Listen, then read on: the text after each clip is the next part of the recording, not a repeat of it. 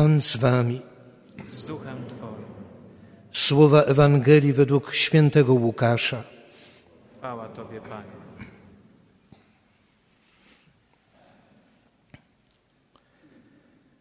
W owym czasie przybliżali się do Jezusa wszyscy celnicy i grzesznicy, aby go słuchać. Na to szemrali faryzeusze i uczeni w piśmie, mówiąc: Ten przyjmuje grzeszników i jada z nimi. Opowiedział im wtedy następującą przypowieść. Pewien człowiek miał dwóch synów. Młodszy z nich rzekł do ojca: Ojcze, daj mi część własności, która na mnie przypada. Podzielił więc majątek między nich. Niedługo potem młodszy syn, zabrawszy wszystko, odjechał w dalekie strony i tam roztrwonił swoją własność, żyjąc rozrzutnie. A gdy wszystko wydał, nastał ciężki głód w owej krainie i on sam zaczął cierpieć niedostatek. Poszedł i przystał na służbę do jednego z obywateli owej krainy, a ten posłał go na swoje pola, żeby pasł świnie. Pragnął on napełnić swój żołądek strąkami, którymi żywiły się świnie, lecz nikt mu ich nie dawał. Wtedy zastanowił się i rzekł: Iluż to najemników mojego ojca ma pod dostatkiem chleba, a ja tu przymieram głodem.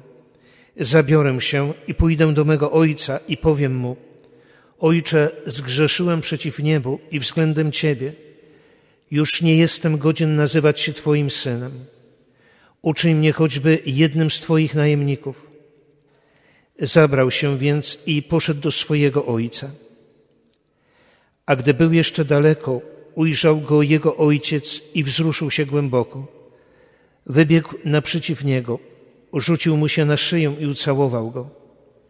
A syn rzekł do niego, Ojcze, zgrzeszyłem przeciw niebu i wobec Ciebie. Już nie jestem godzien nazywać się Twoim synem. Lecz ojciec powiedział do swoich sług, przynieście szybko najlepszą szatę i ubierzcie go. Dajcie mu też pierścień na rękę i sandały na nogi.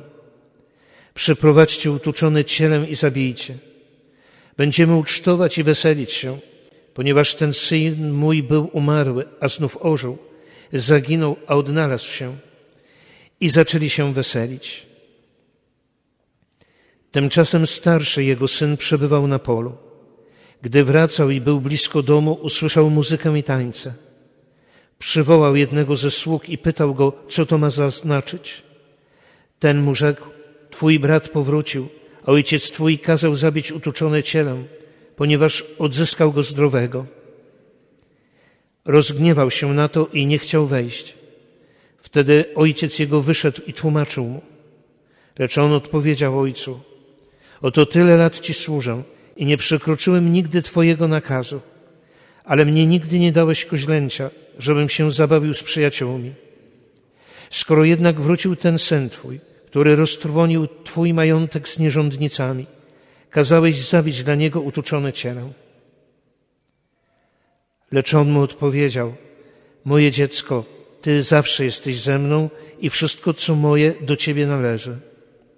A trzeba było weselić się i cieszyć z tego, że ten brat twój był umarły, a znów ożył, zaginął, a odnalazł się. Oto słowo Pańskie.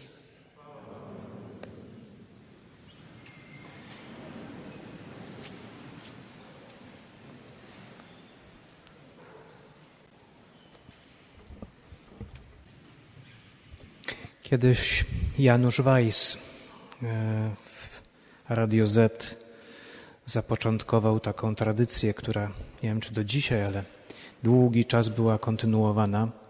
Tradycję takich telefonów, które miały wkręcać. E, I pamiętam taki dobry żart, jak to kiedyś zadzwonili e, na recepcję szpitala i przez telefon z recepcjonistką rozmawiając chcieli zamówić mm, imprezę urodzinową tam właśnie. Pani była bardzo zdziwiona i mówi, jak to tutaj e, w recepcji? I na to usłyszała, no przecież to jest izba przyjęć. A my chcieliśmy przyjęcie zorganizować, tak na 40-50 osób. Ta historia mi się dzisiaj przypomniała, kiedy mm, w Ewangelii przeczytałem o przyjęciu. Że oto ojciec dla swojego syna, który zaginął, a odnalazł się, urządza przyjęcie. A ten drugi się oburza. Piękna jest ta dwuznaczność wynikająca właśnie z tego, z tego żartu. Bo przyjęcie to no właśnie izba przyjęć, gdzie przychodzą chorzy. Bo przyjęcie to właśnie impreza, można się cieszyć. I my tak naprawdę, jako chrześcijanie, wierzymy w to, jak mówi nasz Pan, że lekarze nie potrzebują zdrowi, ale ci, którzy się źle mają. Przyjęci przez Boga są ci, którzy gdzieś się zagubili, którzy gdzieś się oddalili, którzy gdzieś może są z boku, daleko na marginesie. Dla tych Bóg urządza przyjęcie, bo oni ich chce przyjąć, na nowo chce ich przyjąć. Kiedyś e, na mojej pierwszej placówce, na której zamieszkałem w Sandomierzu, przyjechałem i ówczesny przeor tamtejszy przywitał mnie, wziął moje walizki i na korytarzu zatrzymał się ze mną i mówi do mnie: Słuchaj, w tym klasztorze mieszka kilku braci. Połowa to są chorzy, a druga połowa to są ich opiekunowie. Pierwsze dwa tygodnie pokażą, do której grupy się zaliczasz. I powiem szczerze, że po 16 mm, latach mam dylemat, do której się zaliczam. Mam wrażenie, że czasem do jednej, a czasem do drugiej. Że czasem trzeba, abym się kimś opiekował, a czasami e, trzeba, się, aby się mną zaopiekowano.